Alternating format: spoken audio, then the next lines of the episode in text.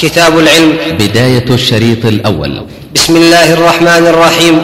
باب فضل العلم وقول الله تعالى يرفع الله الذين آمنوا منكم والذين أوتوا العلم درجات والله بما تعملون خبير. وقوله عز وجل رب زدني علما. باب من سئل علما وهو مشتغل في حديثه فأتم الحديث ثم أجاب السائل حدثنا محمد بن سنان قال حدثنا فليح حاء وحدثني إبراهيم بن منذر قال حدثنا محمد بن فليح قال حدثني أبي قال حدثني هلال بن علي عن عطاء بن يسار عن أبي هريرة رضي الله تعالى عنه قال بينما النبي صلى الله عليه وسلم في مجلس يحدث القوم جاءه أعرابي فقال متى الساعة؟ فمضى رسول الله صلى الله عليه وسلم يحدث فقال بعض القوم سمع ما قال فكره ما قال وقال بعضهم بل لم يسمع حتى إذا قضى حديثه قال أين أراه السائل عن الساعة؟ قال ها أنا يا رسول الله. قال فإذا ضيعت الأمانة فانتظر الساعة. قال كيف إضاعتها؟ قال إذا وسد الأمر إلى غير أهله فانتظر الساعة. وهذا يدل على أن المسؤول إذا كان مشغولا بحديث مهم؟ له أن يستمر ثم يجيب السائل بعد ذلك.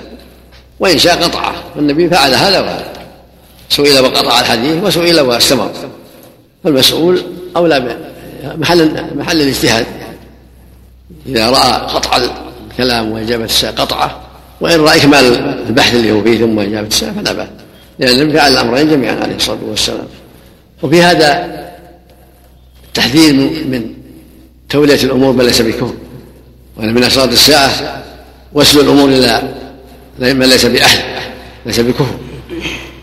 يعني في آخر الزمان تتغير الأحوال حتى يتولى الأمور من ليس أهلا لها تختل الأمور. ويختل نظام الأمر بسبب ولاية الأشرار ومن ليس أهلا للولاية. وقد وقع هذا من زمن طويل والله المستعان. نعم. باب من رفع صوته بالعلم.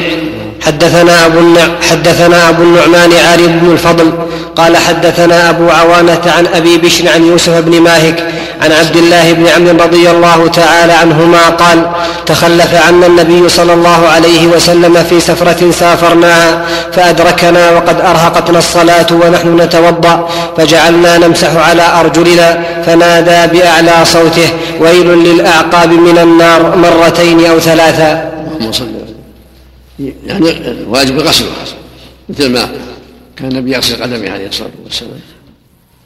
فالواجب غسلها وعدم التساهل في هذا. نعم. باب قول باب قول المحدث باب قول المحدث حدثنا أو أخبرنا وأنبأنا وقال لنا الحميدي. وفي هذا من الفوائد أن ولي الأمر لا مانع يتأخر الأمير يتأخر خلف الجيش للمصلحات حتى يرى الضعيف والمتأخر فيلاحظ ويعتني به. أو يحمله إن كان يحتاج إلى حمل. وفيه من الفوائد أن الناصح قد يرفع صوته إذا دعت الحاجة. الناصح المبلغ إذا دعت الحاجة يرفع صوته حتى يبلغ الناس ما هو ما يريد وعظهم به وتذكيرهم به حتى يسمعوا. نعم. باب قول المحدث حدثنا أو أخبرنا وأنبأنا وقال لنا الحميدي كان عند باب. باب قول المحدث حدثنا أو أخبرنا وأنبأنا وقال لنا وقال لنا الحميدي كان عند ابن عيينة حدثنا وأخبرنا وأنبأنا وسمعت واحدا. وقال ابن مسعود حدثنا رسول الله صلى الله عليه وسلم وهو الصادق المصدوق. وقال شقيق عن عبد الله سمعت النبي صلى الله عليه وسلم كلمة وقال حذيفة حدثنا رسول الله صلى الله عليه وسلم حديثين. وقال أبو العالية عن ابن عباس رضي الله تعالى عنهما عن النبي صلى الله عليه وسلم فيما يروي عن ربه. وقال أنس عن النبي صلى الله عليه وسلم يرويه عن ربه عز وجل. وقال أبو هريرة رضي الله تعالى, تعالى عنه عن النبي صلى الله عليه وسلم يرويه عن ربكم عز وجل. حدثنا والمحدث حدثنا أو سمعته أو أخبرنا أو ما أشبه ذلك مما يدل على أنه سمع الحديث من شيخه يكفي ما يشترط عبارة معينة. عبارة تدل على أنه سمعه من شيخه. هذه كافية. نعم أخبرني أو حدثني أو أخبرني أو سمعت أو رويته عنه أو رواه لي عن فلان. نعم. صار لك معروف أن مسلم بن الحجاج يفرق بينهما. وجه التفريق بين حدثنا وأخبرنا. بعض بعض بعض المتأخرين. ولا المتقدمين ما يفرقون بينهم. بعض المتأخرين يحص أخبرنا وأنبأنا بالإجازة. صلى الله عليه حدثنا قتيبة قال حدثنا إسماعيل بن جعفر عن عبد الله بن دينار عن ابن عمر رضي الله تعالى عنهما قال قال رسول الله صلى الله عليه وسلم إن من الشجر شجرة لا يسقط ورقها وإنها مثل المسلم. وإنها مثل إن من الشجر نعم. إن من الشجر شجرة لا يسقط ورقها وإنها مثل المسلم فحدثوني ما هي؟ فوقع الناس في شجر البوادي قال عبد الله ووقع في نفسي أنها النخلة فاستحييت ثم قالوا حدثنا ما هي يا رسول الله؟ قال هي النخلة. وما ذاك إلا لأن الشجرة وهي النخلة كلها خير فهي مثل المؤمن. ألم ترى كيف ضرب الله مثلا كلمة طيبة؟ كشجرة طيبة أصلها ثابت وفرعها في السماء تؤتي كلها كل حين بإذن ربها هي شجرة طيبة. ثمرها نافع وخشبها نافع وعشيبها نافع وليفها نافع كلها نافع والمؤمن كله نافع. كلامه طيب وفعله طيب الله أكبر. نعم. باب طرح الإمام المسألة على أصحابه ليختبر ما عندهم من العلم. نعم. حدثنا خ... نعم. حدثنا خالد بن مخلد حدثنا خالد بن مخلد حدثنا سليمان حدثنا عبد الله بن دين حدثنا عبد الله بن دينار عن ابن عمر رضي الله تعالى عنهما عن النبي صلى الله عليه وسلم قال إن من الشجر شجرة لا يسقط ورقها وإنها مثل المسلم حدثوني ما هي؟ قال فوقع الناس في شجر البوادي. قال عبد الله فوقع في نفسي أنها النخلة ثم قالوا حدثنا ما هي يا رسول الله؟ قال هي النخلة. اللهم صل نعم. وفي هذا يعني الحث على كون المدرس والأستاذ والمعلم يمتحن أصحابه حتى يختبر ما عندهم من الفهم حتى يعودهم على التفكير والنظر والتفهم المسائل ولهذا ألقى عليهم صلى الله عليه وسلم هذه المسألة. حدثوني ما هي قال ابن عمر فوقع في نفسه إنه نخله لما حدث أباه بذلك لا قال له عمر لا لا إن كنت قلت ذلك أحب إلي من كذا وكذا. يعني أن الإنسان لا يحقر نفسه. إذا كان في مجمع وقع السؤال وإن كان من أصغرهم وعنده علم يتكلم بما عنده حتى يشجع غيره. نعم. الله شيخ. ما هي المخلوقات التي نهى الرسول صلى الله عليه وسلم عنها؟ إن صح حديثها معناه الشيء الذي يستبيح على الناس ولا يفهم. يحدث بأشياء ما يوضح هذا الناس يقع فيها مشاكل. يلبس عليهم الأمور. نعم.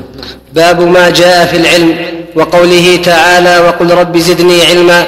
القراءة والعرض على المحدث. ورأى الحسن والثوري ومالك القراءة جائزة واحتج بعضهم في القراءة على العالم بحديث ضمام بن ثعلبة رضي الله تعالى عنه. قال للنبي صلى الله عليه وسلم آه الله أمرك أن تصلي الصلوات؟ قال نعم. قال فهذه قراءة على النبي صلى الله عليه وسلم. أخبر ضمام قومه بذلك فأجازوه. واحتج مالك بالصك يقرأ على القوم.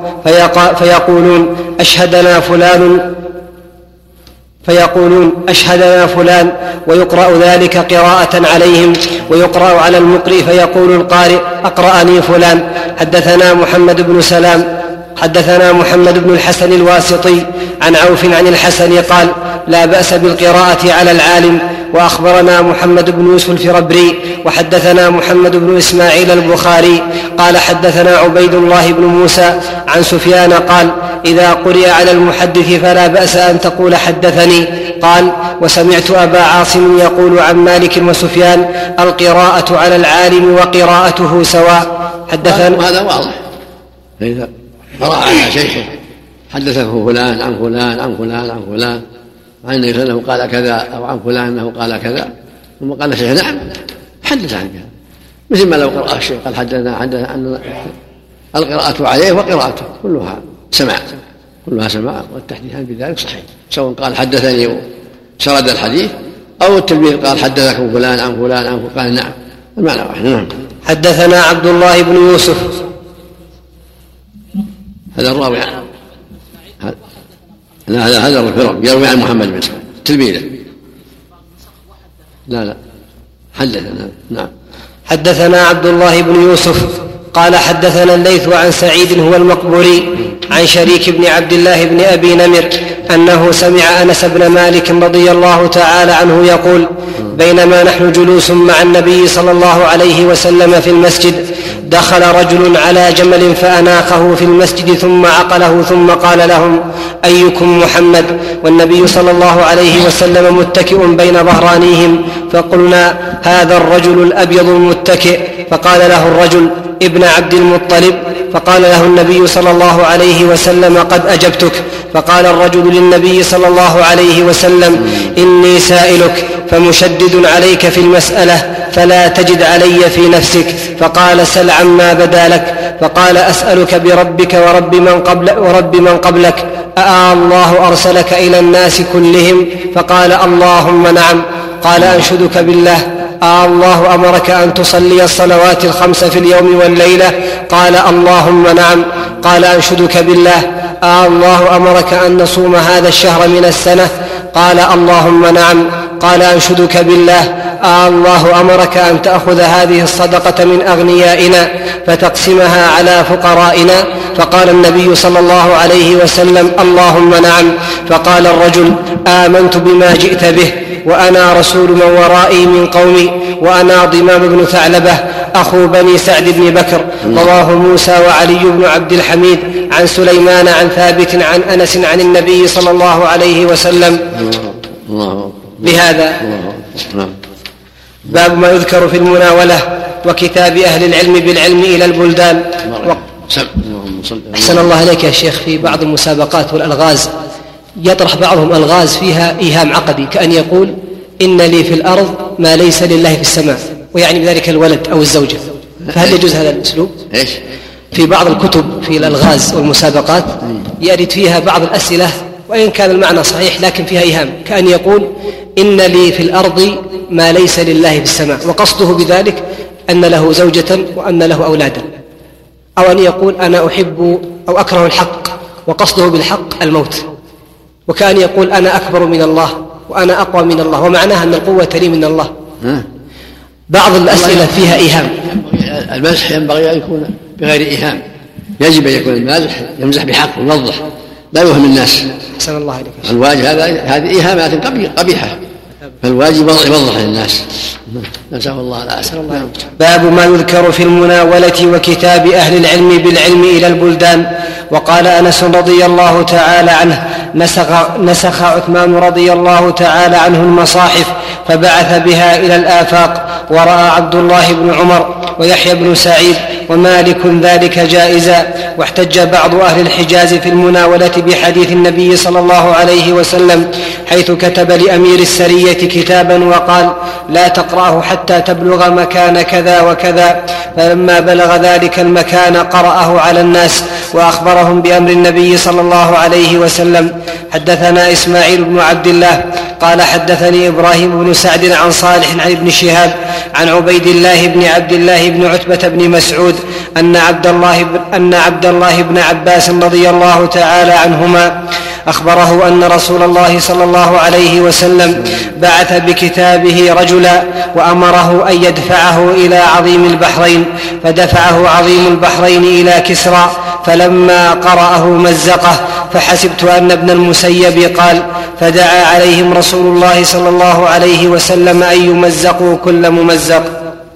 وقد مزقوا على أيدي الصحابة رضي الله عنهم وأرضاهم وصارت بلادهم من المسلمين كما مزق كتاب النبي مزق الله ملكه. نعم أما الروم فعظم الكتاب وكاد أن يسلم ولكن حمله حب الرياسه على البقاء بقي له ملكه. نعم. حدثنا محمد بن مقاتل أبو الحسن. أخبرنا عبد الله قال أخبرنا شعبة عن قتادة عن أنس بن مالك رضي الله تعالى عنه قال كتب النبي صلى الله عليه وسلم كتابا أو أراد أن يكتب فقيل له إنهم لا يقرؤون كتابا إلا مختوما.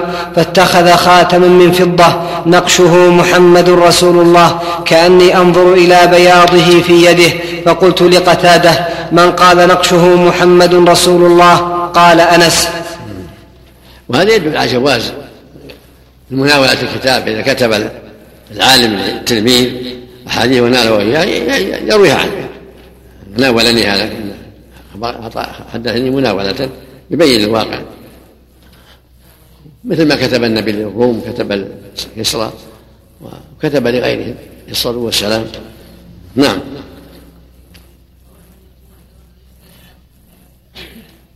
لا لا كافر.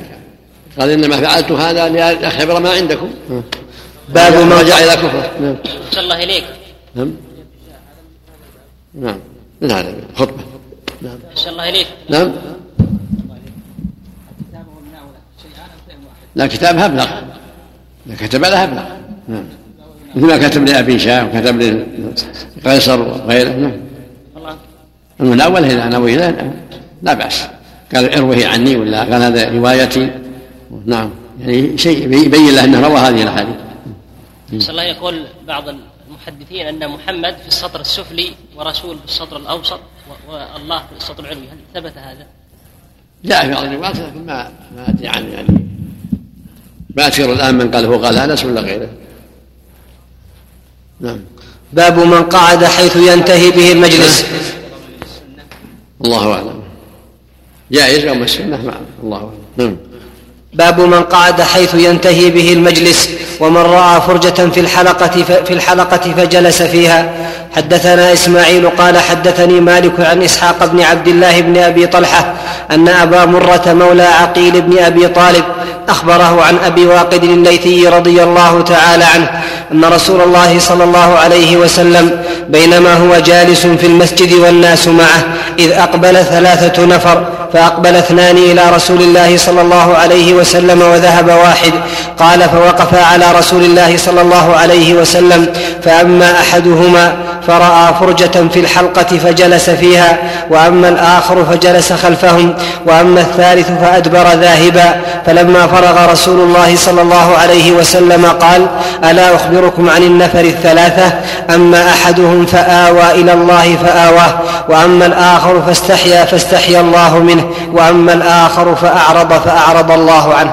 وهذا حديث حديث أبي واقد يدل على فوائد.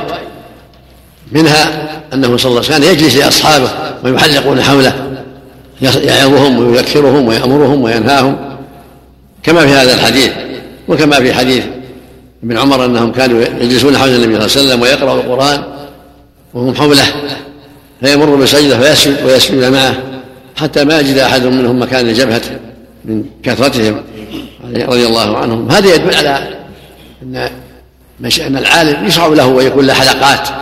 في المسجد ينفع بها الناس يعظ بها الناس يعلم بها الناس كما كان النبي يفعل عليه الصلاة والسلام في حلقات العلم بين أصحابه في المسجد حتى يستفيدوا ويستفيد الناس الحاضرون ومن يجي. في هذا أيضا فضل من دخل في الحلقة وأن الطالب لا لا لا يستحي يدخل في الحلقة لا يتأخر إذا وجد مكان يدخل. ولهذا لما دخل هؤلاء الثلاثه المسجد ورأوا الحلقة واحد جاء وجد فرجه ودخل في الحلقة. والثاني جلس خلف الحلقة.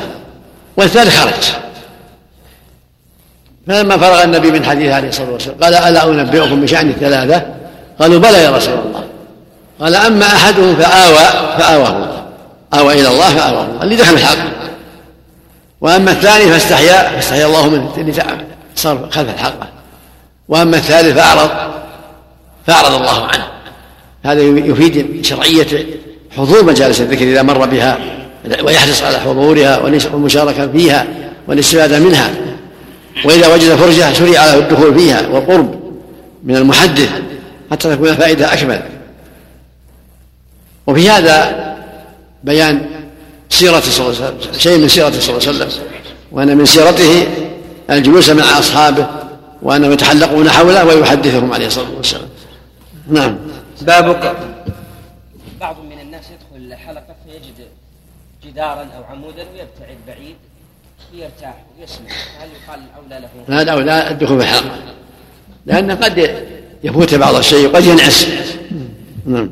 باب قول النبي صلى الله عليه وسلم رب مبلغ أو عام سامع حدثنا مسدد قال حدثنا بشر قال حدثنا ابن عون عن ابن سيرين عن عبد الرحمن بن أبي بكرة عن أبيه ذكر النبي صلى الله عليه وسلم قعد على بعيره وأمسك إنسان بخطامه أو بزمامه. قال أي يوم هذا؟ فسكتنا حتى ظننا أنه سيسميه سوى اسمه. قال أليس يوم النحر؟ قلنا بلى. قال فأي شهر هذا؟ فسكتنا حتى ظننا أنه سيسميه بغير اسمه. فقال أليس بذي الحجة؟ فقلنا بلى. قال فإن دماءكم وأموالكم وأعراضكم بينكم حرام. بينكم حرام كحرمة يومكم هذا في شهركم هذا في بلدكم هذا. يبلغ, يبلغ الشاهد الغائب. فإن الشاهد عسى أن يبلغ من هو أوعى له منه. وهذا كان يوم النحر. خطبهم يوم النحر وقال أي بلد هذا؟ أي شهر هذا؟ أي يوم هذا؟ توطئه لبيان شدة التحريم. قال إن دماءكم وأموالكم وأعراضكم عليكم حرام كحرمة يومكم هذا يوم النحر. في بلدكم هذا مكة في شهركم هذا شهر ذي الحجة. إلى أن تلقوا فليبلغ الشاهد الغائب. وقال معنى هذه الخطبة يوم عرفة لما ركب راحلته ووقف في عرنة قبل الظهر خطب الناس وذكرهم وذكر أن دماءكم وأموالكم وأعراضكم عليكم حرام. هذا يبين لنا شدة الوعيد شدة التحريم في مال المرء ودمه وعرضه وأن الواجب على كل مؤمن الحذر من أخذ مال أخيه بغير حق أو التعدي عليه بغير حق أو غيبته. العرض يعني الغيبة. وما أسهلها اليوم على الناس. ما أسهلها اليوم على الناس وما إلا إلا من رحم الله. النبي ينادي يوم يوم النحر ويوم عرفة. بهذا الأمر العظيم. إن دماءكم وأموالكم واعراضكم عليكم حرام كعرمة يومكم هذا في بلدكم هذا بشاركم والقرآن ينص على هذا ولا يغتب بعضكم نص القرآن. ولا يغتب بعضكم بعضا. والغيبة ذكرك أخاك ما يكره. وما ذاك إلا لأنها تسبب العداوة والشحناء الغيبة تسبب الشهوة والعداوة ونشر المفاسد نشر المعاصي نشر الفواحش يترتب على شر كثير. الغيبة فلان يتعاطى الزنا فلان يشرب الخمر فلان عاق لوالديه فلان يقاطع الرحم فلان يشرب الدخان فلان يحلق لحيته فلان فلان. هذه مع تسبب الشر. تسبب البغضاء له والعداوة له. فالواجب على المؤمن أن يحذر هذه الغيبة. إذا كان عنده خير ينصح ينصح. أخاه ويقول له يا أخي إنك تفعل كذا وتفعل كذا. حتى يهديه الله بأسبابه. الدين النصيحة أما فضيحته بين الناس ويكره ما يكره بين الناس هذا يترتب عليه الشحنة والعداوة ما لا يعلمه إلا الله. ولا سيما إذا كانت المعصية لم يجاهر بها. أما المجاهر فلا غيبة له فيما جاهر به بين الناس. نسأل الله العافية. نعم. الله إليكم. يحتج بعض الناس بحديث لا غيبة لفاسق. يمسابه من كل الجوانب. لا لا الحديث ما أعرف صحته لكن معروف من أجيال أخرى والنبي صلى الله عليه وسلم في الرجل الذي دخل عليه بئس أخو العشيرة بئس العشيرة احتجوا على أن من نظر المعاصي لا غيبة له. لكن المؤمن يتحرى. قد يكون في غيبته وهو مظهر فساد قد يترتب عليها شر. كون ينصح ويوجه أحسن من كونه يغتاب مهما أمكن. لكن إثم الغيبة إنما يحصل في من لم يعلن المعاصي. أما من كان يعلن يعلن المعاصي ويظهرها بين الناس يشرب الخمر بين الناس لا يصلي ولا مع الجماعة هذا لا غيبة له فيما أظهر. يدخن في الأسواق عند الناس لا غيبة له. حالق لحيته الناس يرونها لا غيبة لكن إذا رأى من المصلحة أن ينصحه سرا وأن لا يتكلم في عرضه لعل الله يهتدي. قد يكون هذا. قد يترتب خير عظيم. نعم. صلى الله إليكم. أربى الربا أن يستطيل الرجل في عرض أخيه. يعني يبالغ يبالغ في الغيبة نسأل الله. العافية نعم. صحيح هذا. ما أتذكر حاله لكن غالب حالي سنده ماشي. مقارب. نعم. أعظم من هذا نص القرآن ولا يغتب بعضكم نص القرآن. ما عاد فوق القرآن شيء. نعم. باب العلم قبل القول والعمل. بارك الله إذا كان هذا إذا كان هذا لا يعرف لا يعرف من المتكلم ولو لا يسمي أحد.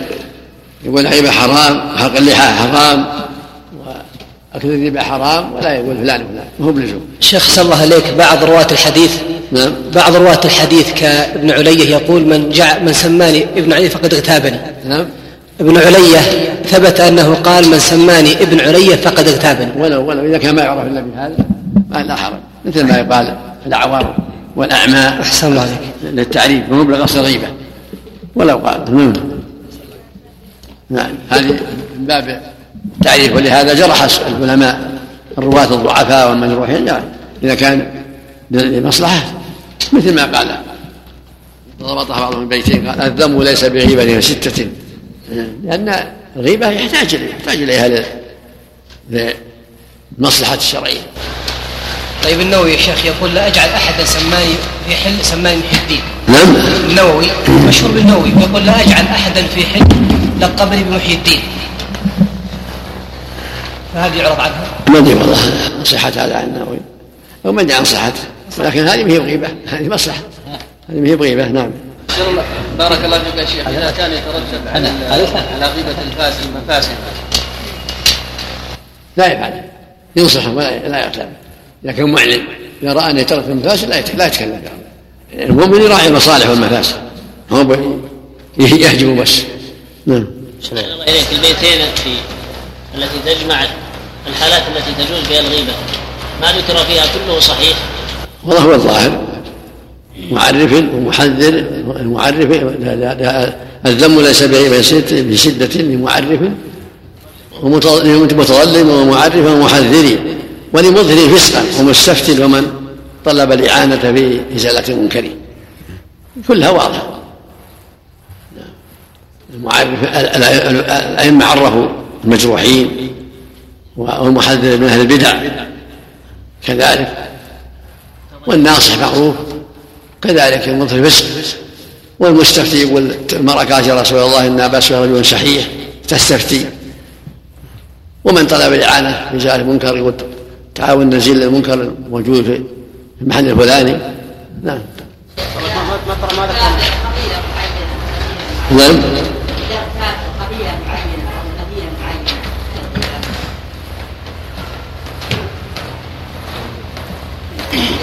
يقال عن مدينه محل نظر نعم نعم نعم المستشير هل هو من يجوز غيبة الإنسان في زواج أو في شيء؟ نعم المستشير يستنصح ينصح. يعني ما هو بغيبة لو لا.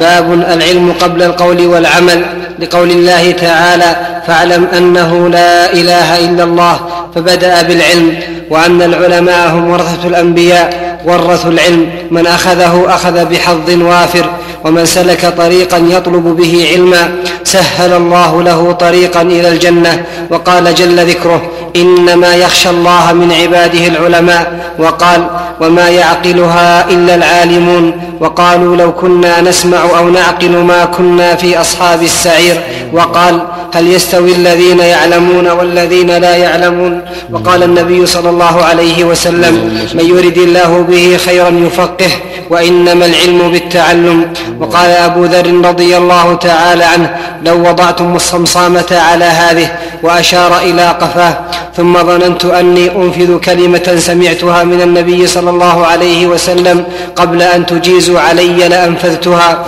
وقال ابن عباس رضي الله تعالى عنهما كونوا ربانيين حلماء فقهاء ويقال الرباني الذي يربي الناس بصغار العلم قبل كباره نعم. نعم. عندك حلماء. حكماء علماء. عندي حلماء فقهاء. علماء فقهاء. نعم. عندكم حكماء. الشارع نبه عليه. لعلها رواية. معنى متقارب نسخة. نعم. ذكر انها نسخة. كل مطلوب الحكمة والحلم كله مطلوب نعم. باب ما كان النبي صلى الله عليه وسلم يتخولهم بالموعظة والعلم كي لا ينفروا. حدثنا محمد بن يوسف قال أخبرنا سفيان عن الأعمش عن أبي وائل عن ابن مسعود رضي الله تعالى عنه قال كان النبي صلى الله عليه وسلم يتخولنا بالموعظة في الأيام كراهة السآمة علينا. حدثنا محمد بن كان مسعود يعظ أصحابه كل أسبوع. فقال لو زدتنا فقال أني أخشى أن امل لكم لأن الرسول كان يتخولنا بالموعظه مخافة السامه علينا يعني متابعة الوعظ كثير وكل يوم وكل يوم قد يملون فالعالم يتحول من لديه بالموعظة بين وقت وآخر يتحرى الأوقات المناسبة نعم. وإذا علم شيخ يرغبون الإكثار. ما لا لا مانع. لكن ما في مضرة ولا ما نعم. حدثنا محمد بن بشار قال حدثنا يحيى بن سعيد قال حدثنا شعبة قال حدثنا أبو التياح عن أنس رضي الله تعالى عنه عن النبي صلى الله عليه وسلم قال يسروا ولا تعسروا وبشروا ولا تنفروا.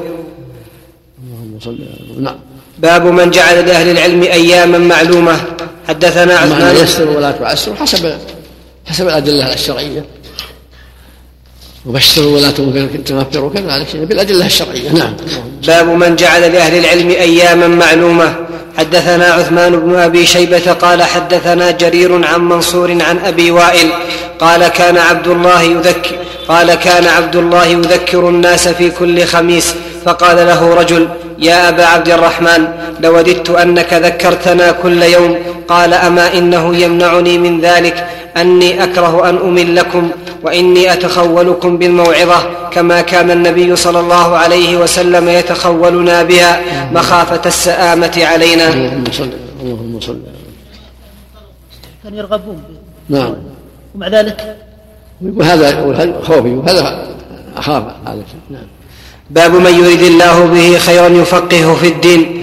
حدثنا سعيد بن عفير قال حدثنا ابن وهب عن يونس عن ابن شهاب قال قال حميد بن عبد الرحمن سمعت معاوية رضي الله تعالى عنه خطيبا يقول سمعت النبي صلى الله عليه وسلم يقول من يرد الله به خيرا يفقهه في الدين وإنما أنا قاسم والله يعطي ولن تزال هذه الأمة قائمة على أمر الله لا يضرهم من خالفهم حتى يأتي أمر الله. هذا حديث عظيم يدل على فضل التفقه في الدين. ينبغي للمؤمن أن يتفقه في الدين ويتعلم. والتفقه في الدين تعلم من كتاب الله وسنة رسوله صلى الله عليه وسلم حتى يعرف أحكام الله التي خلق لها. وما خلقت الجن والإنس إلا ليعبدون. هذه عبادة يتفقه في الدين والعلم بما شرع الله. وما نهى الله عنه حتى تعبد الله على بصيرة. يا أيها الناس اعبدوا ربكم. لابد من فقه الدين. كيف تعرف هذه العبادة؟ إلا بالشرع. فمن أراد الله به خيرا فقه في الدين وعلمه. ومن استمر في الجهالة والإعراض فهذه علامة على أن الله ما أراد به خيرا نسأل الله. المقصود أن هذا الحديث يدل على أن ينبغي المؤمن بل يجب أن يتفقه. ويتعلم ما لا يسعه الجهل خلق ليعبد ربه كيف يعبد ربه لا بد من التعلم. وفي بشارة أن أمر هذا لا يزال مستقيما على أمر الله. حتى يأتي أمر الله. لا يزال قائما على أمر الله؟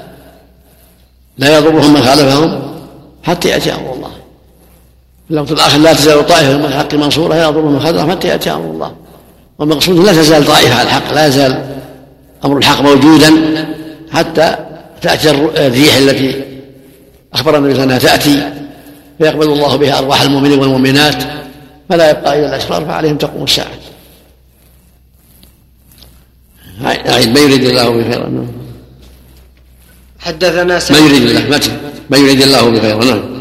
قال صلى الله عليه وسلم من يريد الله به خيرا يفقهه في الدين وإنما أنا قاسم والله يعطي ولن تزال انه قاسم هو الذي يقسم بين الناس ما يسر الله من النفل والزكوات وغير ذلك والله المعطي سبحانه وتعالى هو الذي شرع لعباده قسم الأموال فالواجب تحري قسمة الله وأن يعطى من أباح الله اعطاءه ويمنع من من أراد الله منعه فالوالي والعالم والقاضي وغيرهم ليس لهم أن يقسموا إلا على شرع الله فليس من يعطوا الزكاة من لا يصلح له من لا تصلح له وليس من يعطوا الفي من لا يصلح له إلى غير ذلك.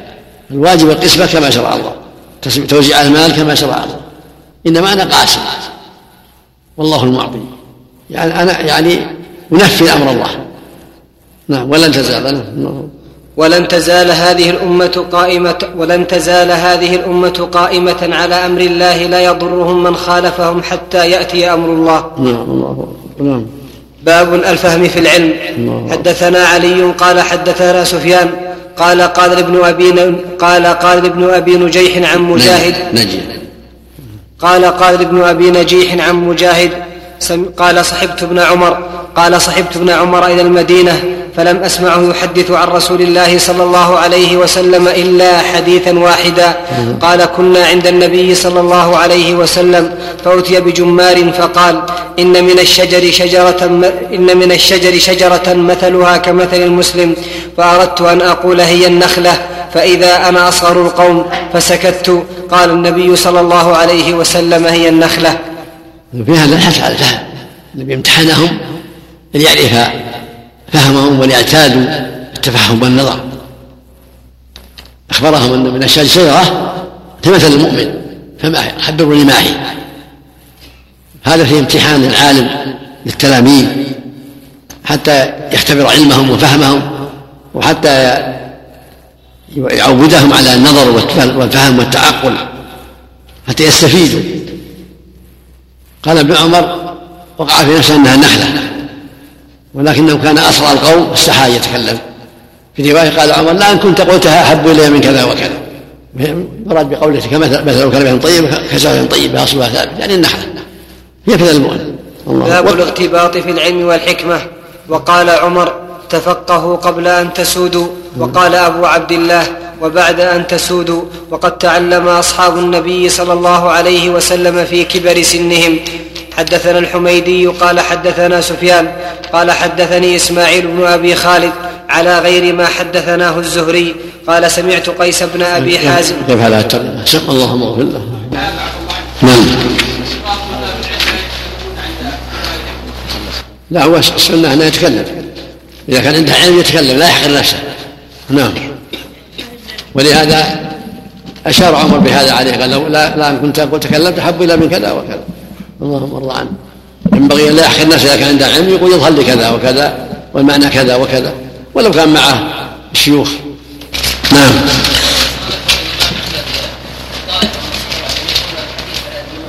يعني هم هم الأساس. هم الفقهاء في الدين هم أساس أهل السنة. هم الأساس. باب الاغتباط في العلم والحكمة. وقال عمر تفقهوا قبل أن تسودوا قال أبو عبد الله وبعد أن تسودوا وقد تعلم أصحاب النبي صلى الله عليه وسلم في كبر سنهم. حدثنا الحميدي قال حدثنا سفيان قال حدثني إسماعيل بن أبي خالد على غير ما حدثناه الزهري. قال سمعت قيس بن أبي حازم قال سمعت عبد الله بن مسعود رضي الله تعالى عنه قال قال النبي صلى الله عليه وسلم لا حسد إلا في اثنتين. رجل آتاه الله مالا فسل رجل آتاه الله مالا فسلط على هلكته في الحق ورجل آتاه الله الحكمة فهو يقضي بها ويعلمها. وهذا فيه الحث على طلب العلم والتفقه في الدين قبل قبل المشاغل. الانسان قد يشغل بإمارة أو بعائلة أو بغير هذا من المشاغل ف فلا يحصل له التفقه في الدين والفائدة الكاملة. فينبغي المؤمن أن يجتهد في طلب العلم والتفقه في الدين حال فراغه وحال شبابه قبل أن يشغل قبل أن يسود قبل أن يؤمر أو يكون رئيسا لعائلة أو كبيرا لقوم أو ما أشبه ذلك من المشاغل ولهذا يروى عن عمر قال تفقهوا قبل أن تسود قبل أن يكون لكم الرياسه والسيادة. قال أبو عبد الله وبعد أن تسود يعني قبل وبعد. طلب العلم مطلوب دائما دائما. ولهذا في الحديث الصحيح يقول صلى الله عليه وسلم من يريد الله به خيرا يفقهه في الدين. ويقول صلى الله عليه وسلم من سلك طريقا يلتمس فيه علما سهل الله له بطريق إلى الجنة. وفيه الحث على الاقتباط بالعلم والرغبة فيه والحرص عليه والأنس به. والرضا به والسرور به. ولهذا يقول صلى الله عليه وسلم لا حسد يعني لا غبطة. هذا يقال لا حسد غبطة لا حسد إلا في اثنتين. رجل آتاه الله مالا فسلطه على هلكة الحق يعني على إنفاقه. هنيئا له بهذا. يحسد عليه يعني يغبط. ورجل آتاه الله الحكمة يعني العلم. فهو يقضي بها ويعلمها. الحكمة العلم. يؤتي الله يؤتي الحكمة من يشاء. ويؤتي الحكمة قد أوتي خيرا كثيرا. والحكمة أيضا وضع الأمور في مواضعها. فمن رزقه الله رزقه الله العلم والبصيرة حتى يضع الأمور في مواضعها فهو على خير عظيم يربط بهذا. فينبغي المؤمن أن يحرص على إنفاق المال في وجوهه بسرور وإخلاص لله وينبغي له أيضا أن يحرص على التفقه في الدين والبصيرة حتى ينفع نفسه وينفع الناس ويوجههم إلى الخير ويرشدهم إلى الهدى. هذان الطريقان من طرق النجاح. تعليم العلم وتوجيه الناس إلى الخير والإنفاق في وجوه الخير والصدقة على المحتاجين ومساعدة المنكوبين وقضاء الدين عن المعسرين كل هذه من طرق الخير ومن أسباب النجاح والسعادة. إيش قال الشارع هذا تسود قبل أن تسود ضبطه. قوله وقال عمر تفقهوا قبل أن تسودوا وبضم المثنات وفتح المهملة وتشديد الواو أي تجعل سادة. بس ما ذكر غيره بعد ضبط ثاني هذا هو الأقرب. يعني سودوا تأمروا تكون ساده يعني اما أمير ولا رئيس قبيلة ولا رئيس عائلة يعني قبل قبل المشاكل. نعم باب ما ذكر في في تفصيل هذا إذا كان في ما يجب عليه لا طاعة مع المصالح أما في مزيد العلم والتوسع في العلم يجمع بين الأمرين لا لا, لا يعصي والديه في حاجاتهما ويطلب العلم حسب الطاقه يجمع بين الأمرين. أما في تعلم دينه وما لا يسعه جهله يلزم ويجب ولا ليس له طاعة أحد في ذلك. إنما الطاعة في المعروف باب ما ذكر في ذهاب موسى صلى الله عليه وسلم في البحر إلى الخضر. نعم. وقوله تعالى هل أتبعك على أن تعلمني مما علمت رشدا؟ حدثني محمد بن غرير الزهري. قال حدثنا يعقوب بن إبراهيم قال حدثني أبي عن صالح عن ابن شهاب حدث أن عبيد الله بن عبد, بن عبد الله أخبره عن ابن عباس رضي الله تعالى عنهما أنه تمارى هو والحر بن قيس بن حصن الفزاري في صاحب موسى. قال ابن عباس هو خضر فمر بهما أبي بن كعب رضي الله تعالى عنه فدعاه ابن عباس فقال إني تماريت أنا وصاحبي هذا في صاحب موسى الذي سأل موسى السبيل. الذي سأل موسى السبيل إلى لقيه هل سمعت النبي صلى الله عليه وسلم يذكر شأنه؟ قال نعم. سمعت رسول الله صلى الله عليه وسلم يقول بينما موسى في ملأ من بني إسرائيل جاءه رجل فقال هل تعلم أحدا أعلم منك؟ قال موسى لا. فأوحى الله إلى موسى بلى عبدنا خضر. فسأل موسى السبيل إليه فجعل الله له الحوت آية وقيل له إذا فقدت إذا فقدت الحوت فارجع. فقدت. بكسر القاف لا فقدت فقد ضبطه الشارح معروف من باب ضربه فقد يفقده. مثل ضرب يضربه. نعم. الشارع والعين ضبط نعم. نعم, نعم. فقدت نعم. وقيل له إذا فقدت الحوت فارجع فإنك ستلقاه. وكان يتبع أثر الحوت في البحر فقال لموسى فتاه أرأيت إذ أوينا إلى أرأيت إذ أوينا إلى الصخرة فإني نسيت الحوت وما أنسانيه وما أنسانيه إلا الشيطان أن أذكره. قال ذلك ما كنا نبغ. فارتدا على آثارهما قصصا فوجدا خضرا فكان من شأنهما الذي قص الله عز وجل في كتابه. وهذا من الأدلة على شرعية السفر في طلب العلم الرحلة. هذا موسى نبي نبي الله وكريمه. طلب الرحلة إلى الخضر ليزداد علما. لما أخبره الله أن أن خضر أعلم. لما سئل موسى هل تعلم واحد أعلم منك؟ قال لا. أوحى الله إليه أن عبدنا خضرا أعلم. يعني عنده معلومات أعلم بها فطلب الرحيل إليه والسفر إليه ليزداد علما. هذا فيه الحث على طلب العلم والتفقه في الدين والرحلة إلى أهل العلم لطلب العلم. وخضر صحيح إنه نبي أيضا. القصة تدل على أنه نبي. لأنه قال وما فعلته عن أمري يعني عن أمر الله. عليه الصلاة والسلام عليهم الصلاة والسلام جميعا. نعم. باب قول النبي صلى الله عليه وسلم اللهم علمه الكتاب. حدثنا أبو مع حدثنا أبو معمر قال حدثنا عبد الوارث قال حدثنا خالد عن عكرمة عن ابن عباس عن ابن عباس رضي الله تعالى عنهما قال ضمني رسول الله صلى الله عليه وسلم وقال اللهم علمه الكتاب. الله اجاب دعوه نبيه وصار ابن عباس من آيات الله في علم الكتاب التفسير والفقه والعلم رضي الله عنه. باب متى يصح سماع الصغير. حدثنا إسماعيل بن أبي أويس قال حدثني مالك عن ابن شهاب عن عبيد الله بن عبد الله بن عتبة عن عبد الله بن عباس رضي الله تعالى عنهما قال أقبلت راكبا على حمار اتان وأنا يومئذ قد نهزت الاحتلام ورسول الله صلى الله عليه وسلم يصلي بمنى إلى غير جدار فمررت بين يدي بعض الصف وأرسلت الاتان ترتع فدخلت في الصف فلم ينكر فلم ينكر ذلك علي. وهذا يدل على ما حفظه الصبي قبل الاحتلام يقول يحتج ابن عباس سمع أحاديث النبي صلى الله عليه وسلم قبل أن يحترم. كان حين وفاة النبي صلى الله عليه وسلم ابن عشر سنين كما تقدم. يدل على أن الصبي إذا حفظ معلومات وأداها بعد بلوغه فهو معتمد. وكذلك ما حفظه الصحابة الصغار عن النبي صلى الله عليه وسلم كابن الزبير وابن عباس والحسن بن علي والحسين بن علي والسائب يزيد وجماعة. حجة. إذا قالوا سمعنا النبي صلى الله عليه وسلم فإذا ما سمعوا فرواية حجة أيضا لأنها من مراسيل الصحابة. ومراسيل الصحابة حجة أيضا. نعم. الله اليكم يؤخذ منه عدم امام الرسول أو امام الصفوف فقط نعم ابن عباس رضي الله عنه الصف الصف نعم ليس امام الرسول من امام بعض الصف نعم الله اليكم يؤخذ من هذا عدم قطع الصلاه هذا من حجه ان الماموم سترة الإمام سترة الله نعم لأن أحسن الله إليكم في, في, في الحديث أنه صلى إلى غير جدار وفي لفظ كما ذكر قد يكون إلى سترة أخرى ما هو بلازم يعني لا ما ما ليس بقطع ما لا سترة قد تكون لا سترة عنزة ونحوها ذكر الحافظ أحسن الله إليكم رواية البزار أنه إلى غير شيء يستره محتمل لأنه فعل هذا أيضا لما زار محل الفضل محل العباس. فدل على أن السترة فيه واجبة سنة ليست واجبة. والحاصل ان أنه مر بين يدي بين الصلاه والمرور بين يدي الصلاه يرضى حتى ولو كان الامام ما نعم. حدثني محمد بن يوسف قال حدثنا أبو مسهر قال حدثني محمد بن حرب قال حدثني الزبيدي عن الزهري عن محمود بن الربيع قال عن محمود بن الربيع رضي الله تعالى عنه قال عقلت من النبي صلى الله عليه وسلم مجة مجها في وجهي وأنا ابن خمس سنين من دلو. نعم. دل على أن خمس وبن ست وبن سبع اذا عقل تقبل من الرواية. نعم. عليه. باب الخروج في طلب العلم. نعم. كان من باب المداعبة الظاهر عليه الصلاة والسلام. من باب المداعبه مع محمود. نعم.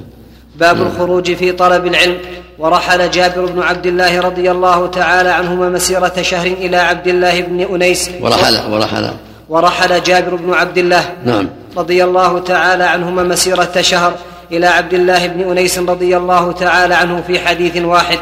حدثنا أبو القاسم خالد بن خلي قال حدثنا محمد بن حرب قال قال الأوزاعي أخبرنا الزهري عن عبيد الله بن عبد الله بن عتبة بن مسعود عن ابن عباس رضي الله تعالى عنهما أنه تمارى هو والحر بن قيس بن حصن الفزاري في صاحب موسى فمر بهما أبي بن كعب رضي الله تعالى عنه فدعاه ابن عباس فقال إني تماريت أنا وصاحبي هذا في صاحب موسى الذي سأل السبيل إلى لقيه هل سمعت رسول الله صلى الله عليه وسلم يذكر شأنه؟ فقال أبي نعم. سمعت النبي صلى الله عليه وسلم يذكر شأنه يقول بينما موسى في ملأ من بني إسرائيل إذ جاءه رجل فقال أتعلم أحدا أعلم منك؟ قال أتعلم أحدا أعلم منك؟ قال موسى لا.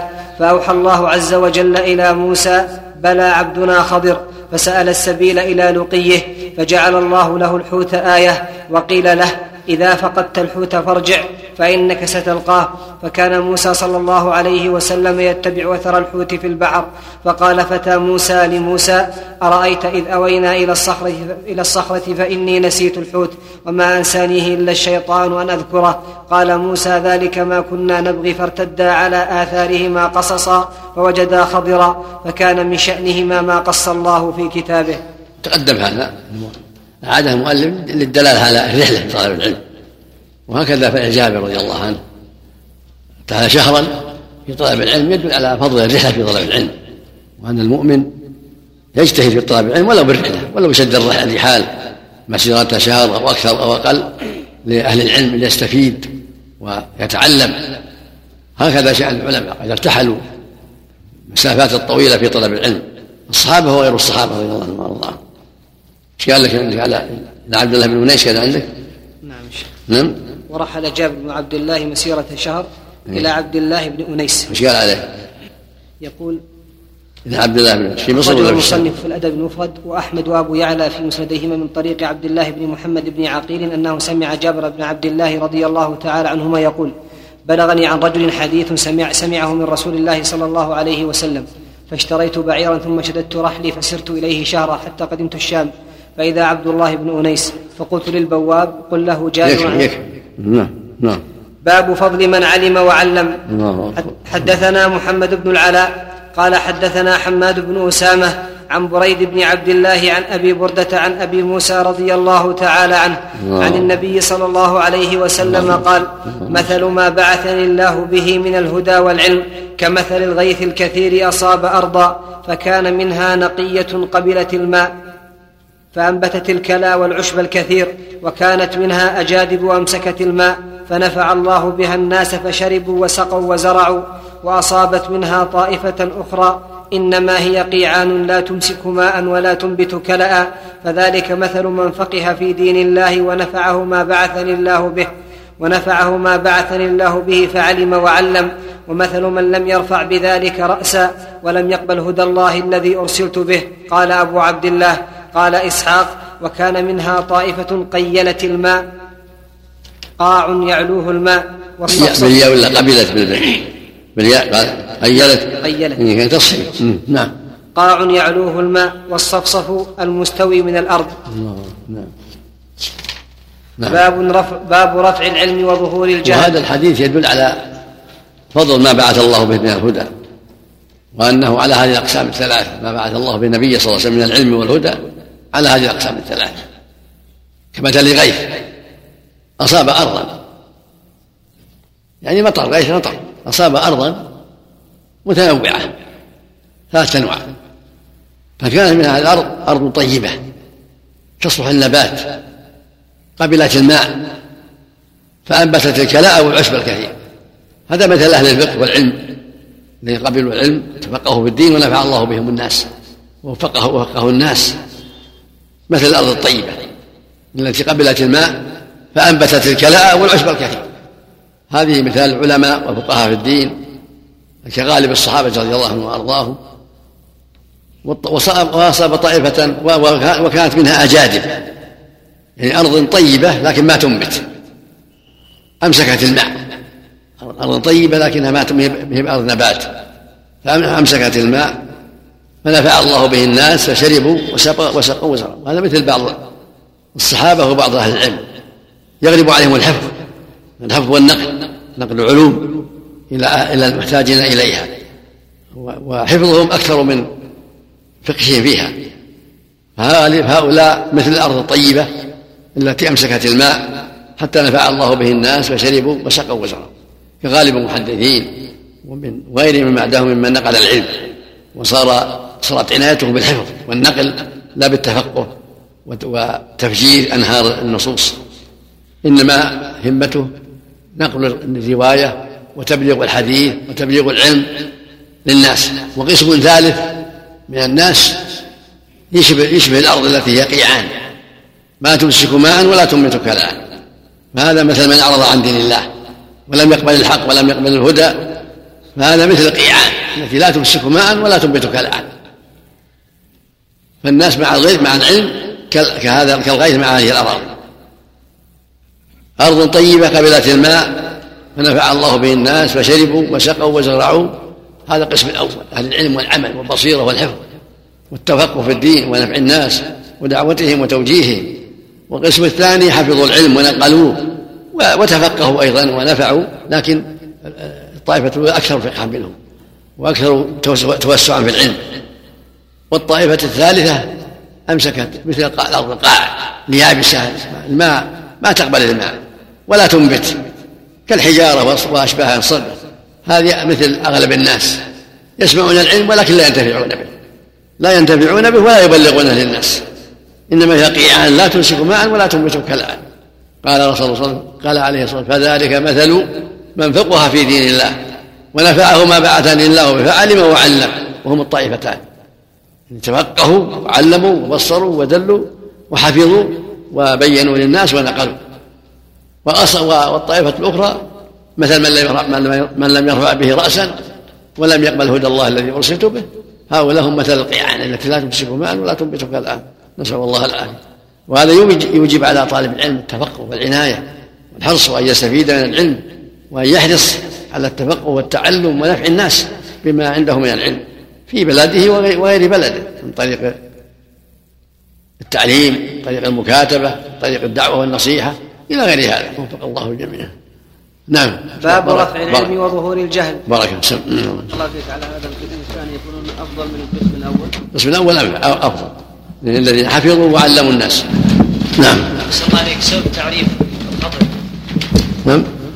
هي في الروايتين خطر يقال خضر ويقال خضر سهل. نعم. يقال خضر بالتعريف ويقال خضر بالكسر نعم. نعم هذا الصواب. باب رفع العلم وظهور الجهل.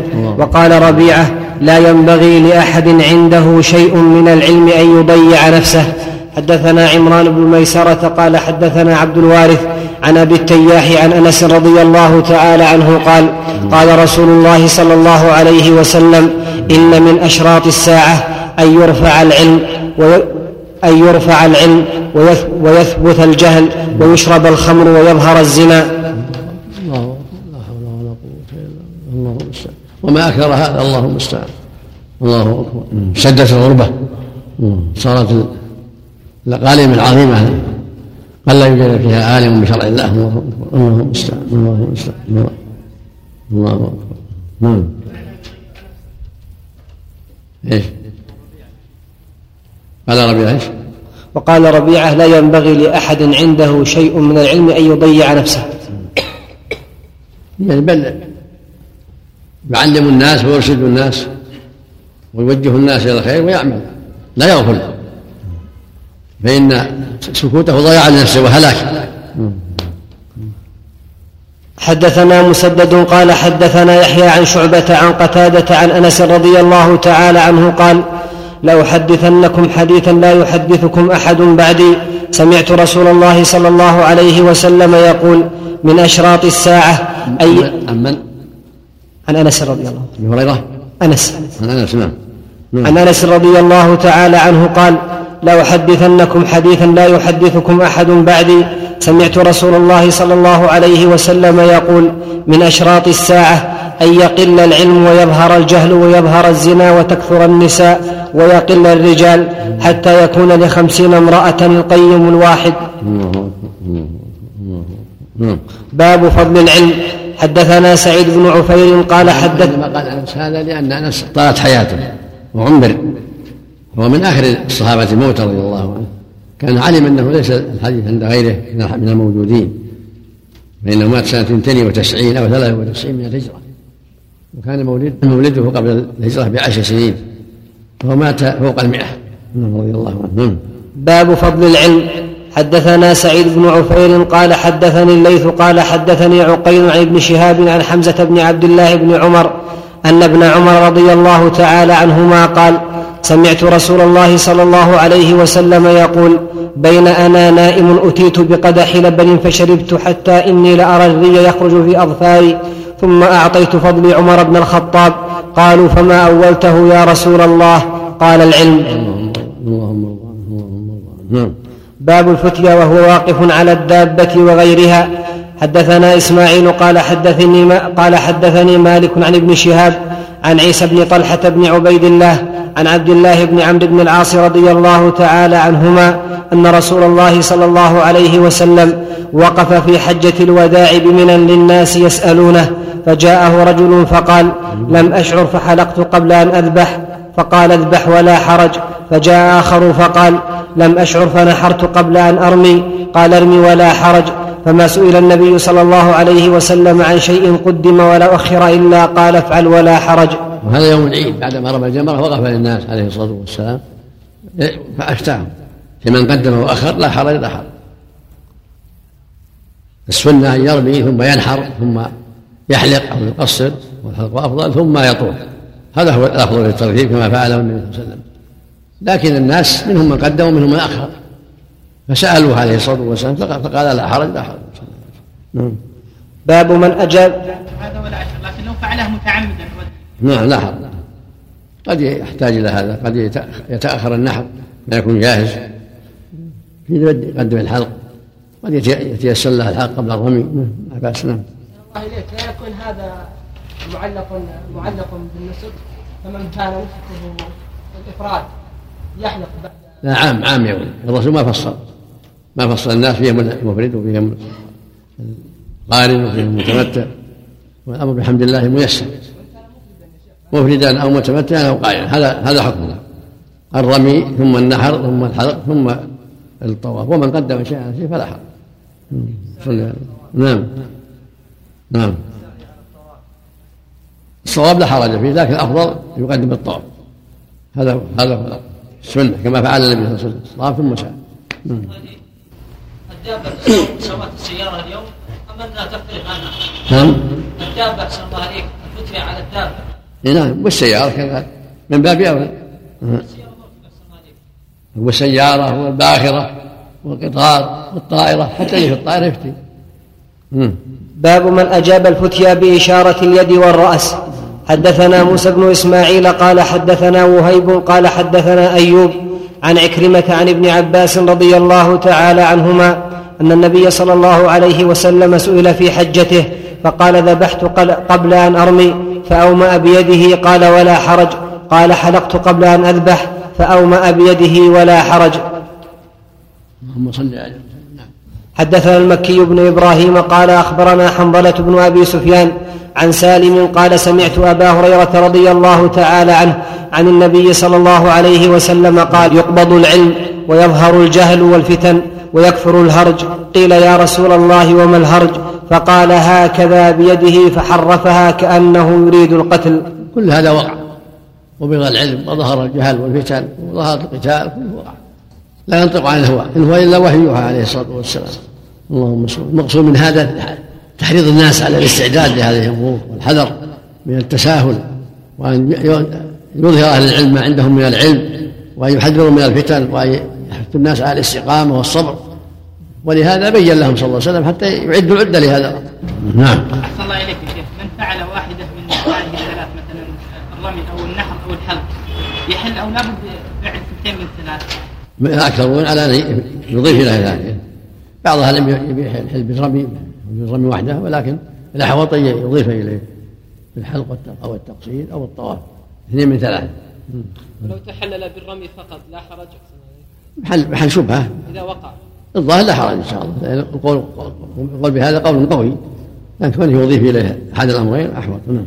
حدثنا موسى بن إسماعيل قال حدثنا وهيب قال حدثنا هشام عن فاطمة عن أسماء رضي الله تعالى عنها قالت أتيت عائشة رضي الله تعالى عنها وهي تصلي فقلت ما شأن الناس؟ فأشارت إلى السماء فإذا الناس قيام. فقالت سبحان الله. قلت آية. فأشارت برأسها أي نعم. فقمت حتى تجلاني الغشي فجعلت أصب على رأس الماء فحمد الله عز وجل النبي صلى الله عليه وسلم وأثنى عليه ثم قال ما من شيء لم أكن أريته إلا رأيته في مقامي حتى الجنة والنار فأوحي إلي أنكم تفتنون في, في قبوركم مثل أو قريب. لا أدري أي ذلك قالت أسماء من فتنة المسيح الدجال. يقال ما علمك بهذا الرجل؟ فأما المؤمن أو الموقن لا أدري بأيهما قالت أسماء. فيقول هو محمد رسول الله صلى الله عليه وسلم جاءنا بالبينات والهدى فأجبنا واتبعنا هو محمد ثلاثا فيقال نم صالحا قد علمنا إن كنت لموقنا به وأما المنافق أو المرتاب لا أدري أي ذلك قالت أسماء فيقول لا أدري سمعت الناس يقولون شيئا فقلته. يعني صلاه الفترة الكسوف نعم اللهم صل باب تحريض النبي صلى الله عليه وسلم وفد عبد القيس على أن يحفظوا الإيمان والعلم ويخبروا من وراءهم. وقال مالك بن الحويرث رضي الله تعالى عنه قال لنا النبي صلى الله عليه وسلم ارجعوا إلى أهليكم فعلموهم. حدثنا محمد بن بشار قال حدثنا غندر قال حدثنا شعبة عن أبي جمرة قال كنت أترجم بين ابن عباس رضي الله تعالى عنهما وبين الناس فقال إن وفد عبد القيس أتوا النبي صلى الله عليه وسلم فقال من الوفد؟ أو من القوم؟ قالوا ربيعة. قال مرحبا بالقوم أو بالوفد غير خزايا ولا ندامة.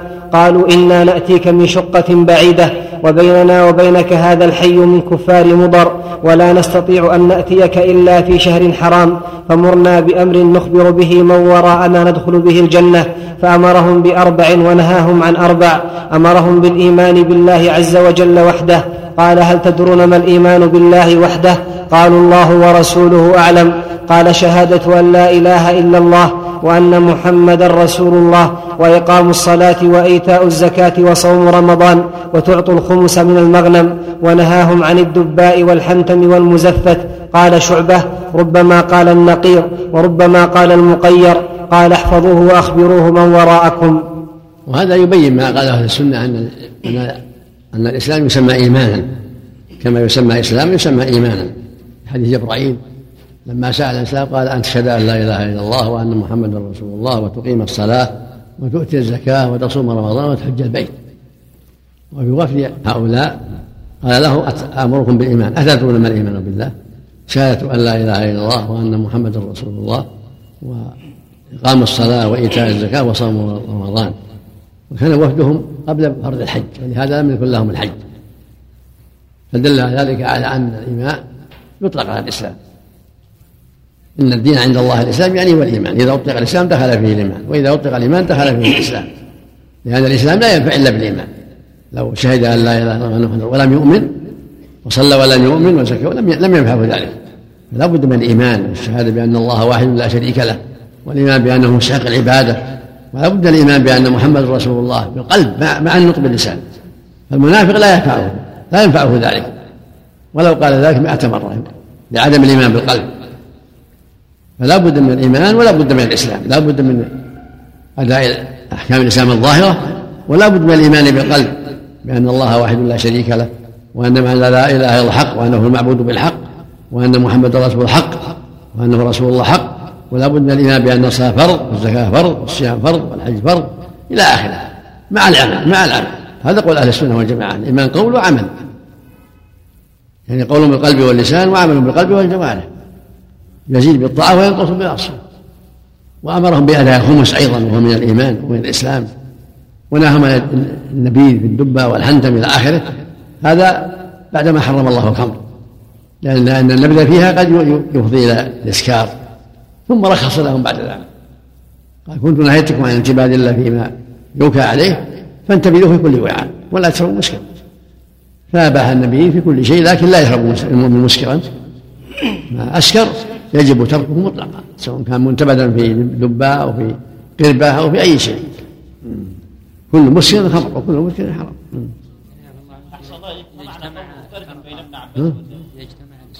نعم عند أهل السنة إذا اجتمع افترى كما في حديث جبرائيل إذا اجتمع الإسلام والإيمان فالإسلام الأعمال الظاهرة والإيمان ما يتعلق بالقلوب. وإذا انفرد أحدهما دخل فيه الآخر. كما في حديث عبد القيس وأشباهه. نعم. وكما في قوله جل وعلا قالت العرب آمنا قل لم تؤمنوا ولكن قولوا أسلمنا. يعني أظهرنا دين الإسلام. من قال يا شيخ بين ابن عباس والناس. يعني يبلغ الناس يبلغ الناس يرفع صوته يبلغ الناس كثير يريد إليه وهود الوف رضي الله عنه ورحمه من قال يا شيخ إن عدم إدخال العمل في مسمى الإيمان من باب خلاف اللفظي لأن الثمرة غلط مو بلفظي حقيقي. أحسن الله نعم. ما ينبذ من التمر والعسل ونحوه. باب يعني, يعني قد يشتد ويسكر وصاحبه لا يعرف لا يشعر لأن في الدبة والحندم لكن إذا كان في غربة في السقاء إذا اشتد انشق السقاء واتضح الزبد. نعم. بعض أهل العلم يقولون الإيمان لا يدخل العمل لا يدخل في مسمى الإيمان الإيمان قول فقط. أو قول مع معرفة. وهذا قول ضعيف. يقوله المرجئة. نعم. باب الرحلة في المسألة النازلة وتعليم أهله. بارك سم. هنا سؤال يا شيخ يقول أحسن الله إليك. انتشرت إشاعة وبخاصة عند النساء وبالأخص في مدارس النساء والجامعات. والإشاعة هي أنه يوجد في المسعى بعض التشققات وأنك أمرت المسؤولين أن لا يدفنوا أو يصلحوا هذه التشققات لأجل أن أمرت أمرت المسؤولين. وأنك أمرت المسؤولين أن لا يدفنوا أو يصلحوا هذه التشققات لأجل أن هذا المكان هو مكان خروج الدابة التي تخرج في آخر الزمان. ثم يقول أرجو توضيح ذلك وإخراج فتوى توضح ذلك لبعض الجهال سواء في الجرائد أو لا هذا باطل. لم يقع منا شيء ولا مسؤول منا شيء. والدابة ما بعد وقت أحسن الله. الدابة وقتها بعدين بعد خروج الدجال وبعدنا من عيسى بن مريم ولم يتيقن خروجها من من عند الصفا ولا غيره. ما يفعل الله أعلم متى تخرج والله أعلم من أي مكان تخرج. المقصود هذا قول إن قلنا لهم اتركوا الشقوق أو إنها ستخرج كل هذا باطل ما لها أصل. الدابه لا يعلم متى خروجها الا الله ولا مكان خروجها الا الله سبحانه وتعالى. ولكن جاءت الأحاديث تدل على أنها متأخرة وأنها بعد الدجال بعد نزول عيسى بن مريم. وأن خروجها قرب خروج بن مريم اما قبلها بقليل ولا بعدها بقليل. باب الرحلة في المسألة النازلة وتعليم أهله.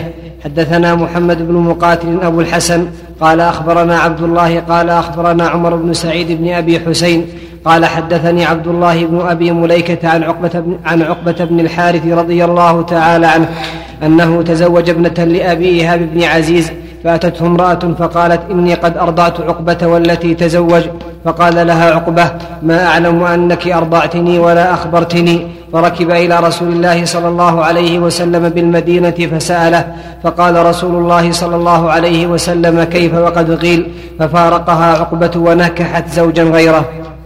هذا فيه رحلة ارتحال من مكة إلى المدينة من أجل طلب العلم سؤال النبي صلى الله عليه وسلم. وفي هذا أن المرأة تقبل في الرضاعة المرأة الواحدة. ولهذا في اللفظ الآخر كيف وقد قيل؟ دعها عنك. ففارقها نعم. باب التناوب في العلم. حدثنا أبو الي... حدثنا أبو اليمان قال أخبرنا شعيب عن الزهري حاء قال أبو عبد الله وقال ابن وهب أخبرنا يونس عن ابن شهاب عن عبيد الله بن عبد الله بن أبي ثور عن عبد الله بن عباس رضي الله تعالى عنهما عن عمر رضي الله تعالى عنه قال كنت أنا وجار لي من الأنصار في بني أمية في بني أمية بن زيد وهي من عوالي المدينة وكنا نتناوب النزول على رسول الله صلى الله عليه وسلم ينزل يوما وأنزل يوما فإذا نزلت جئته بخبر ذلك اليوم من الوحي وغيره وإذا نزل فعل مثل ذلك فنزل صاحب الانصاري يوم نوبته فضرب بابي ضربا شديدا فقال أثمه؟ ففزعت فخرجت إليه فقلت قد حدث أمر فقال قد حدث أمر عظيم. قال فدخلت على حفصة فإذا هي تبكي. فقلت طلقكن رسول الله صلى الله عليه وسلم. قالت لا أدري. ثم دخلت على النبي صلى الله عليه وسلم فقلت وأنا قائم. أطلقت نساءك؟ قال لا. فقلت الله أكبر. نعم. باب الغضب في الموعظة والتعليم إذا رأى ما يكره. حدثنا محمد بن كثير قال أخبرنا سفيان عن ابن أبي خالد عن قيس بن أبي حازم عن أبي مسعود الأنصاري رضي الله تعالى عنه قال قال رجل يا رسول الله لا أكاد أدرك الصلاة مما يطول بنا فلان فما رأيت النبي صلى الله عليه وسلم في موعظة أشد غضبا من يومئذ. فقال أيها الناس إنكم منفرون فمن صلى بالناس فليخفف فإن فيهم المريض والضعيف وذا الحاجة. اللهم صل اللهم صل نعم. حدثنا عبد تخفيف اللي مع مع مراعاة الطمأنينة. والتأسي بالنبي صلى الله عليه وسلم. صلى الله إليكم هنا قال رجل يا رسول الله لا أكاد أدرك الصلاة مما يطول بنا فلان. نعم. هذا معنى صلى الله عليكم نعم. يعني انك تطول ما يكاد يدرك الصلاة معه لأن يشق عليه الحضور والمقام معه ما يطول. يعني يشق علينا طوله حتى أني يشق علي اني اصلي معه. بعض الناس يقول من المشقة أن تقرأ الناس والسجده في يوم الجمعة. هل يقبل كلام لا لا. القدوة في تخفيف النبي صلى الله عليه وسلم هو القدوه كان يقول أنس أتم صلاة واخف صلاة. ما رايت إماما اخف صلاة ولا أتم صلاة من النبي صلى الله عليه وسلم. يتاسى به هذا عليه الصلاة والسلام. هو هو اللي يعلم الناس عليه الصلاة والسلام. نعم. حدثنا عبد الله بن محمد قال حدثنا أبو عامر قال حدثنا سليمان بن بلال المديني عن ربيعة بن أبي عبد الرحمن عن يزيد مولى المنبعث عن زيد بن خالد الجهني رضي الله تعالى عنه أن النبي صلى الله عليه وسلم سأله رجل عن اللقطة فقال اعرف وكاءها أو قال وعاءها وعفاصها ثم عرفها سنة ثم استمتع بها فإن جاء ربها فأدها إليه. قال فضالة الإبل. فغضب حتى احمرت وجنتاه أو قال احمر وجهه. فقال وما لك ولها معها سقاؤها وحذاؤها ترد الماء وترعى الشجر فذرها حتى يلقاها ربها قال فضالة الغنم قال لك أو لأخيك أو للذئب. وهذا فيه غضب عند النصيحة إذا سأل السائل عما عما ينبغي الغضب فيه. مثل ما غضب عند سؤاله عن ضالة الإبل مثل ما قال الرجل ما, ما, ما أستطيع أن أصلي من أجل فلان من الغضب عند الموعظة. من أجل تحذير الناس مما لا ينبغي. الغضب هنا من أجل التحذير والتنفير من الباطل. لأن أخذ الضالة من الإبل منكر وهكذا تطويل على الناس من يشق عليهم منكر فلهذا غضب حتى يكون أردع للناس. نعم. حدثنا م... بالنسبة للضالة الغنم الله بعد مضي الوقت وتعريفه إياها هل الأولى يتصدق بها أم يأخذها ويأخذ؟ لا لا. ملك له. لك أو لأخي لكن بعدها يعرفها. يقول صلى الله عليه وسلم من آوى ضالة فهو ضال. ما لم يعرفها رواه مسلم. يعرفها سنة. فإن شق عليه بقاؤها باعها وحفظ ثمنها وصفاتها ومتيسر انها ترعى مع غنمه خليها ترعى. ويعرفها. لا ملك له. إذا تمت السنة فهي ملك حتى إذا جاء صاحب يوم من الدهر أداها إليه إذا عرفه.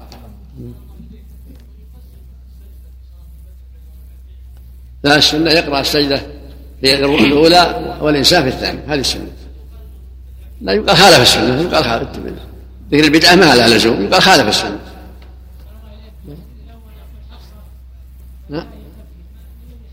نعم؟ لما أشيع أنه طلق نساء أشاع الناس أنه طلق نساءه فبكت خوفا من الطلاق ما بد بالطلاق فلما جاء عمر سأل النبي صلى الله عليه وسلم قال ما طلقت نسائي نعم. فقال عمر الله أكبر يعني الحمد لله. نعم. نعم. إلى كان إلى نعم شيء آخر. إلى ليست آخر. إلى إلى هجرهن شهرا هذا منهن شهرا صلى عليه. وليس بطلاق. تعريف السنة يا شيخ بجميع اللقطة يا شيخ. نعم. تعريف السنة تعريف السنة بجميع اللقطة يا شيخ. نعم. لا بد من سنة. نعم. الشيء الحقير ما له ما يشاء الحقير ما له شيء. مثل النبي قال لولا ان تكون من الصلاه لا أكلتها. لما وجدت تمره في الطريق قال لولا ان تكون من الصلاه أكلتها. دل على الشيء الحقير يرفع عنه الحبل والتمره والتمرتين وأشياء الحقير الريال والعشره والخمسه في وقت ما لها قيمة. نعم. الحقير نعم. حدثنا محمد بن العلاء. نعم. والله الافضل ترك هذا لأن هذا يشق على الناس. ولعل ولعل النبي قراها لاسباب والنبي صلى الله عليه وسلم كان يوجز المغرب. اللهم صل عليه وسلم. أنه لا ترك هذا لأن لا يشق على الناس. ولا ولم يعرف أنه كررها صلى الله عليه وسلم إنما يروى مرة فعلا لعله لعله لسبب.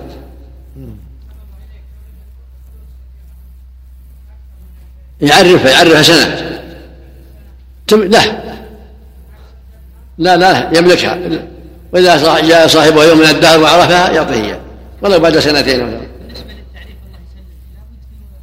في مجامع الناس حول المساجد الأسواق اللي فيها يجمع الناس من له اللقطة من لها الدراهم من لها الشاة. لا ما ما تكفي الجرائد النداء في الأسواق أبلغ. ما كل يقرأ جرائد وإن جعل في الجرائد زواج لكن لابد من التعريف جمع الناس. ما عليه لكن أخذها أفضل. النبي قال خذها فإن لك أو لأخيه أو للذئب. وإذا ترك أبوهم ما, بده يتكلف يتعب. حق هذه حقيرة في وقتنا هذه حقيرة ما لها ما لها قيمة. ما يحتاج تعيين. لا مو بالظاهر لأن الرسول صلى الله عليه وسلم استقرت سنته التقصير في المغرب. صلى الله عليه وسلم. بارك الله فيك يا شيخ إذا كان تزوج رجل امرأة ثم قضي بينهما نسل وبعد ذلك علم أنها أنه أن بينهما رضاع. فماذا يكون نصيب الأولاد؟ أولاد؟ لا.